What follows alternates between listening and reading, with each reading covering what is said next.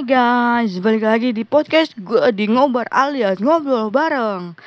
Dan topik kali ini ayo kita sedikit serius untuk membahas Atau kita saling bertukar pendapat, bertukar opini. Oke, kita langsung masuk ke topik pembicaraan kita. Yang pertama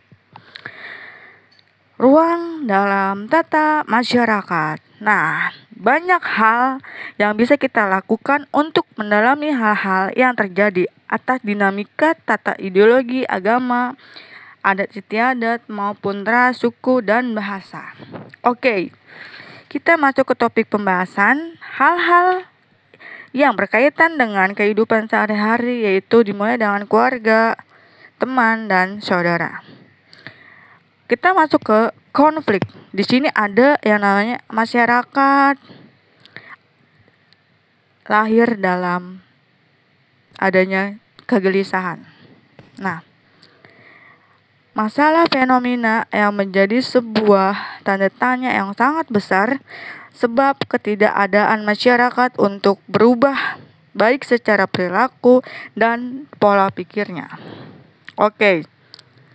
Di sini kita dihebohkan dengan sebuah kasus pelecehan atau penistaan agama yang dilakukan oleh selegram bernama Oaklin.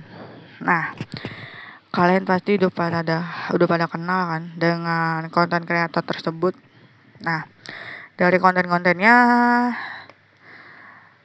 uh, dia Oaklin selalu always membuat konten yang mengguna mengundang kontroversi, mengundang hujatan, cacian dan makian dari banyaknya netizen atau pengguna sosial media. Nah, Oklin ini selalu memancing hujatan dari masyarakat kita. Dan enggak sekali dua kali atau tidak jarang dia bikin konten bertema uh, tentang hal-hal yang berbau-bau pornografi atau penyimpangan dalam seksual. Bagi gue ini sangatlah tidak etis dan ini sudah kelewat batas banget.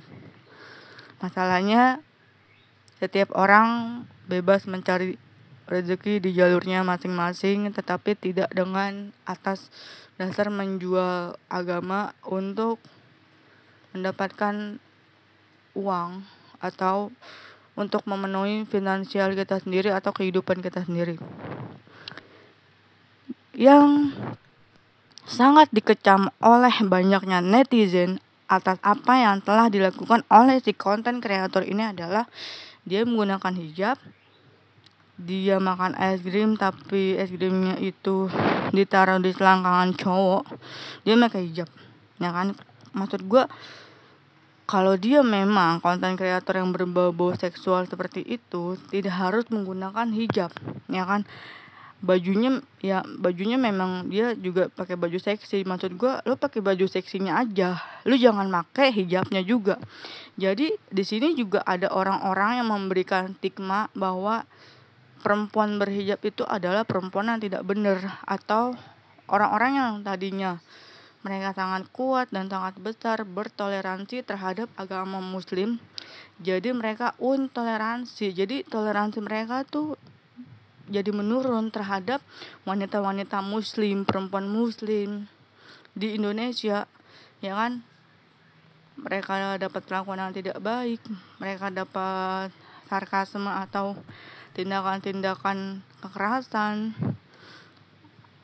Sebab oknum-oknum yang seperti ini yang membuat pola pikir orang di luar sana berpikir bahwa perempuan berhijab itu bukanlah perempuan yang harus kita hargai dan kita hormati. Secara mereka menggunakan hijab untuk menutup aurat, ya kan? Tujuannya untuk beribadah kepada Allah Subhanahu wa taala dalam ajaran agama Islam dan di agama mana pun itu tidak diperbolehkan seseorang menyalahgunakan atribut keagamaan untuk hal-hal yang menyimpang mulai dari hal-hal yang tidak seharusnya dilakukan. Maksud gue kayak ke hal-hal yang berbau-bau seksual aja itu hukum di dunia akhirat pun pasti ada hukum sanksi sosial pun jauh juga lebih berat. Ya kan? Jadi menurut gue tindakan-tindakan seperti ini ini harus sih harus segera ditindaki. Harus ada yang namanya eh, apa nih? Kira-kira hal yang bikin pelaku tersebut itu jerak dan berhenti ngebikin konten-konten yang seperti itu gitu. Dan Se uh, ini sepertinya di Indonesia nggak cuma satu, nggak cuma si Oklin aja, tapi ya memang yang ke up hanya satu oknum aja, yaitu si Oklin ini. Ya kan, kalau kalian mau nyari jauh lebih banyak, ya kan, oh, banyak sekali kasus-kasus yang serupa seperti ini gitu. Oke, okay. di sini gue lagi-lagi meneliti kasus ini menggunakan buku pendamping sosiologi. Nah, jadi setelah apa ya yang gue riset dan gue cari nah perlakuan si Oklin ini masuk ke dalam kategori meliputi atas dasar adanya melakukan tindakan sosial melakukan tindakan bunuh diri atau peran individualisme yang meliputi ketertiban sosial keseimbangan masyarakat dan keberadaan masyarakat. Nah, dari semua peran individualisme itu sangat penting, ya kan? Yang yang paling penting adalah poinnya di sini yaitu adanya keseimbangan masyarakat dan keberadaan masyarakat yang di mana bisa dikatakan bahwa keseimbangan masyarakat itu uh, berasal dari pola pikir masyarakat yang selalu mewajarkan hal-hal yang tidak wajar. Dan kedua keberadaan masyarakat. Keberadaan masyarakat itu sungguh sangat berpengaruh dalam tiap perilaku individualisme dan orang-orang. Di dalam kehidupan lingkungannya dia di di hadapan cara seseorang berinteraksi dengan lawan bicaranya jadi bagi gua sekian dan terima kasih itu aja topik yang pengen gua bahas kali ini. Bye-bye, sampai jumpa.